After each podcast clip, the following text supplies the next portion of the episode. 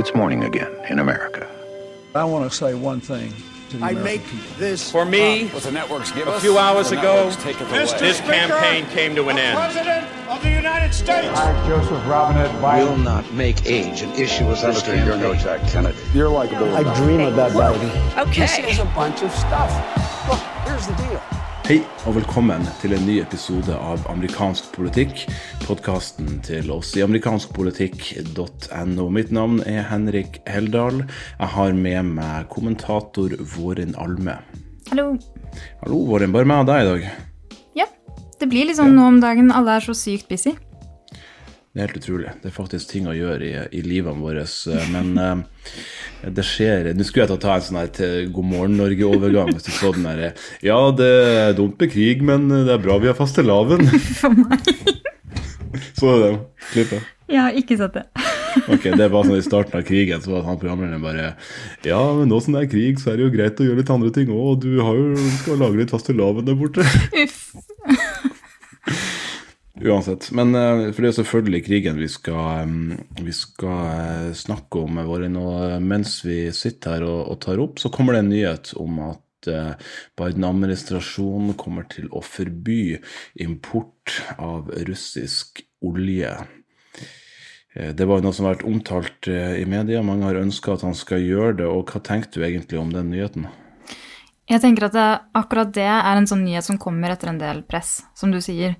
Altså, eh, Biden-administrasjonen har allerede tatt ganske strenge eh, grep. De har gjort en rekke ting. Innført kjempestrenge sanksjoner, bevæpnet ukrainere, sendt våpen, sendt humanitær hjelp, sendt økonomisk hjelp, sendt styrker til naboland eh, osv. osv. Um, og så har det vært en sånn jevn strøm med kritikk, både fra republikanere, men også egentlig eh, tverrpolitisk. Eh, særlig ettersom på en måte oppmerksomheten rundt denne krigen har begynt å bre seg ordentlig. Um, og nå er jo dette en sak som på en måte Altså Vanligvis så tenker vi at amerikanere kanskje ikke bryr seg så mye om uh, utenrikspolitikk, men dette er en sak som på en måte er på alle forsider, om det så er lokalaviser eller, eller nasjonale nasjonalaviser, og, og som får mye oppmerksomhet, som, som sjokkerer. Um, og man ser også på målingene hvor raskt på en måte eh, den brede offentligheten og det brede laget begynner å, å, å kreve eh, virkelig tøffe svar. da. Ja, og Nå har det jo allerede vært sånn at, eh, at eh, økte eh, pumpepriser har vært et tema i USA, så jeg lurer på om Biden bare skada seg sjøl her. Fordi at eh, nå har, har man jo hatt en, eh, en bensinpris som er litt over tre dollar for en gallon med bensin. Nå begynner man å snakke om at det nærmer seg fire i gjennomsnitt, og så er det noen bilder av sånne ekstremtilfeller med sju dollar, som er sånne apokalyptiske priser i USA. Men gjennomsnitt på bare litt over fire dollar ses jo på som å, å virkelig svekke kjøpekraften til, til amerikanere. Så er det, er det, det ene er jo liksom Er det sånn heltemodig av Biden å svekke seg sjøl på lang sikt fordi han kommer til å få så mye kritikk, eller er det liksom at han bukker under for, for presset og gjør det som folk ønsker? Der er jeg litt usikker. Sannsynligvis begge deler. Altså Biden har, Det er jo ingen tvil om at eh, inflasjon og økte priser og altså disse tingene veier tungt, og Biden nevnte også i State of the Union-talen sin at, um, det, at de gjør alt da nå for, at, for, å kompensere for at sånne tiltak skal, skal på en måte gjøre det enda vondere for amerikanske borgere.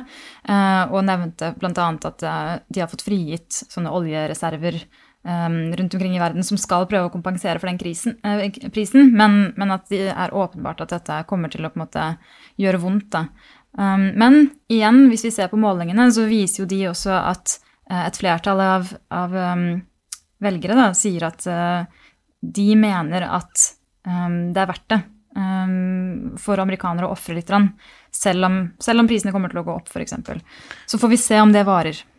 Det her er jo superbra for det republikanske partiet. Det Ja. starta med at de kan legge press på Biden. Hvorfor gjør du ikke mer? Så kommer Biden etterpå. ok, Han, eh, han hørte på republikanerne. Han, han kommer i etterkant. Han innrømmer at de hadde rett. Så går eh, bensinprisen opp i USA. Folk blir mer sur på Biden. Og så får republikanerne enda et argument for å åpne den her eh, olje- og gassledninga fra Canada, Keystone XL, som Biden har satt på pause. ikke sant? For det er enda mer vi, vi må Nå har jo eh, den store seieren til USA i, sånn langt perspektiv i det siste tiåret har jo vært at man har vendt seg av gass, eller olje fra, midt, fra Midtøsten. Og nå, okay, nå må vi også vende oss av fra Russland. Så da må vi ha enda mer uh, olje, olje fra Enda mer skitten olje fra Canada, ikke sant. Mm. Og, men, og her er jo på en måte USA bare én av mange. Altså alle disse vestlige landene som, som, tar disse valgene nå, vet at de kommer til å svi hjemme. At dette her hele tiden er en, en balanse mellom hvor tøff du skal være, og hvor, hvordan, altså, hvor langt du skal gå i å lede da, en internasjonal politisk offentlighet som, som ønsker dette her. Um, og hvor stor på en måte, skade du skal ta til dine egne. Men jeg er helt enig. altså, parti, altså Politisk, rett foran mellomvalget nå, så er dette sannsynligvis en ganske god deal for republikanere. Um, men så vet vi selvfølgelig ikke hvordan denne krisen kommer til å se ut i høst. Spørsmålet er jo også om Biden her skaper et uh, skille mellom USA og Europa, der man har ligget på liksom samme linje med sanksjoner, men nå går USA et steg lengre enn Europa på en, et politikkområde som skader USA mye mindre enn det ville skada store deler av Europa. fordi det her er jo snakk om en 89% av olje- og gassimporten til, til USA. Det straffer ikke Russland så mye, fordi det er 1,3% eller noe sånt, leste jeg, av deres eksport. Men hvis eh, man hadde europeerne hadde gjort det samme, så hadde det vært helt krise for flere land. Mm. Det så det skaper et skille mellom de to.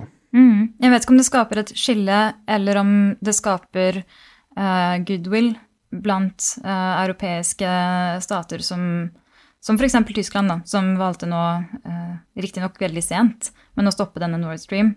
Um, og, og altså egentlig legge om hele politikken sin. At de da ser et USA som, som leder da, på, på sånne områder. Kan være.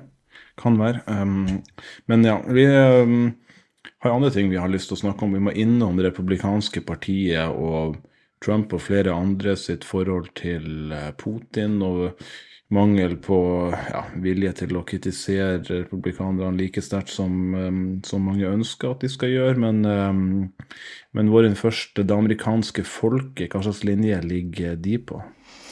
de har endret seg raskt. Um, fra å på en måte ligge litt sånn midt på treet på, på hvor, uh, hvor, aktivt de syns USA bør involvere seg, og i det hele tatt, og, og, og være litt sånn skeptiske, da. Uh, som for så vidt er, er um, forståelig, gitt at de akkurat har trukket seg ut av Afghanistan, den lengste amerikanske krigen i moderne historie. Og, og, i det hele tatt så har vi sett da en uh, ganske sånn dramatisk økning av uh, av antallet som, som, mener at for det første at eh, Putin må fordømmes og alle disse tingene her, men at sanksjoner um, er noe som er akseptabelt også når det gjør vondt for amerikanere, og som støtter, um, støtter å sende styrker, og, og, sende styrker faktisk i um, konfrontasjon, skulle det komme til en, uh, at Nato også blir innblandet her. Så, og det ser man også gjenspeile seg i i altså politikernes uttalelser. Ja, men um, da Trump var president, så var det jo litt sånn på målingene viste at republikanerne ikke ville kritisere Russland like mye og sånn, men um, jeg har jo inntrykk av at det partiskillet ikke er like stort som det var da, selv om det selvfølgelig er et skille der. Ja, for det, det har vært den samme dreiningen der, egentlig. at Der også var det et større skille før Putin faktisk invaderte hele Ukraina. Um, og så, så, endret det seg veldig raskt. Altså, da snakker vi også om at uh, personer som Trump og Tucker Carlson uh, fordømte Putin og, og, endret helt. Ja, men det har jo storma ganske greit rundt uh, Trump her, fordi han har jo sagt um, mye rart om, om Putin. ja. me for the last 25 years. You mean I can take over a whole country and they're going to sanction me? You mean they're not going to blow us to pieces, at least psychologically? The problem is not that Putin is smart, which of course he's smart, but the real problem is that our leaders are dumb. Dumb. So dumb.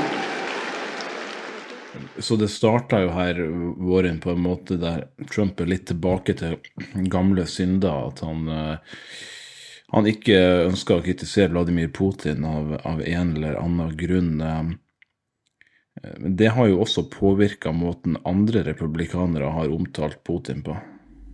Ja. Det, det, å, det, å, kritisere Putin har på en måte blitt synonymt med å kritisere Trump på en eller annen måte etter, etter Trumps fire år med den merkelige historien der, der Putin blandet seg inn i valget, der Trump gjorde alt for, for å hindre støtte til Ukraina for å få en eh, etterforskning av Hunter Biden og Biden. Til gjengjeld alle disse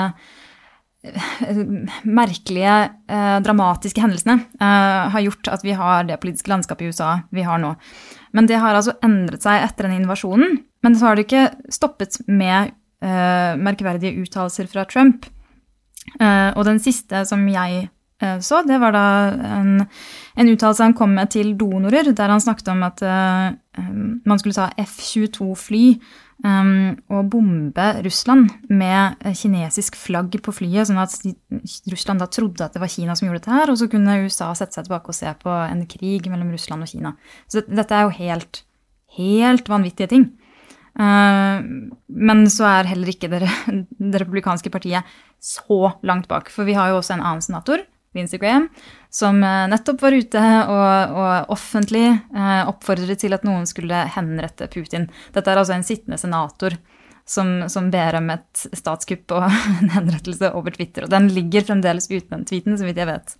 Men er, men er, det, noe, er det noe skille her med, med de som er på Trump-linja? Jeg ser jo også at noen av de andre som har presidentambisjoner, Eh, om det være seg Kirsty Noam, eller om det, om det er vår kjære tidligere eh, FN-ambassadør, så lurer jeg litt på om de, om de også er livredd for å kritisere Trump fordi at de, de blir konfrontert med ting Trump har gjort tidligere, som f.eks. at han ble stilt til riksrett fordi han uh, trua med å holde tilbake våpen til Ukraina hvis ikke de kunne etterforske uh, en Biden-etterforskning som ville være gunstig for Trump. ikke sant? Um, altså, De vil ikke de kritisere det, så jeg merker meg at de, at de er litt livredde der. Men,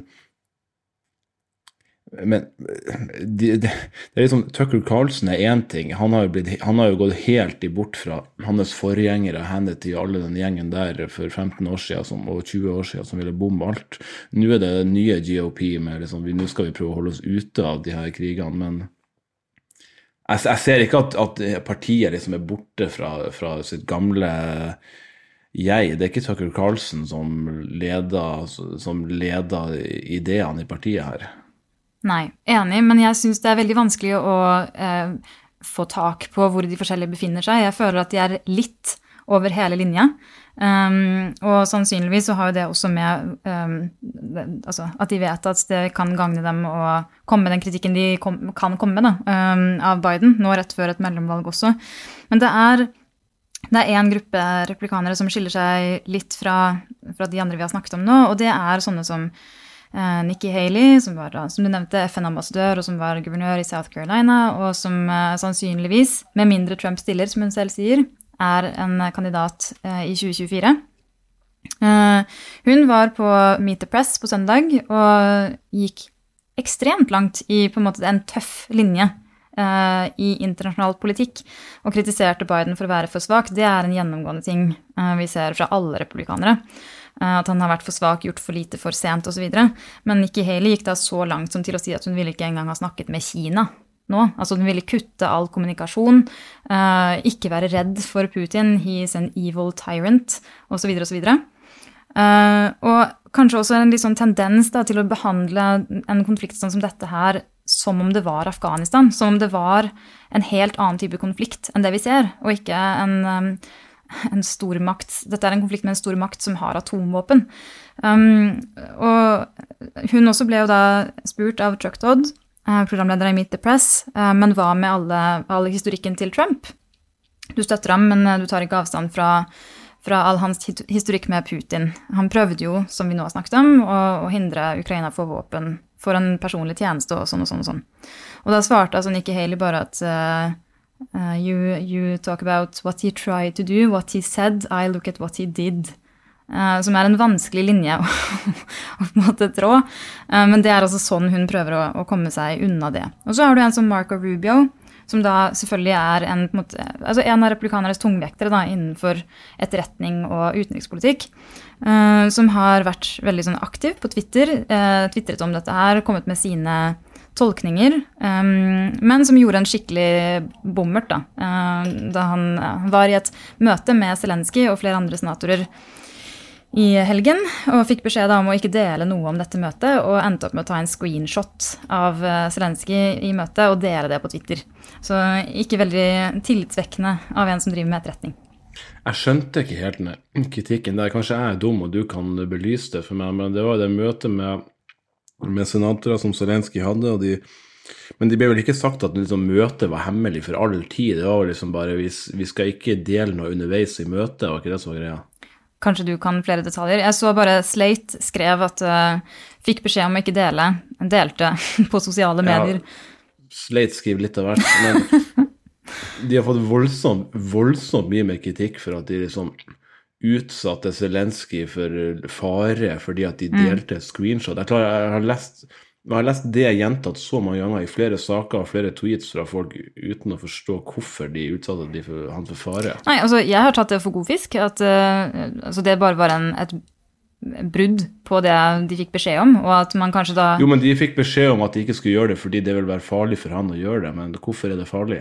Er det kanskje jeg som er dum her og ikke skjønner noe, men det var det som var poenget. Altså, min tolkning var at uh, det kanskje kunne være et eller annet i det bildet, da, eller i den informasjonen som kunne avsløre noe om hvor Zelenskyj befant seg.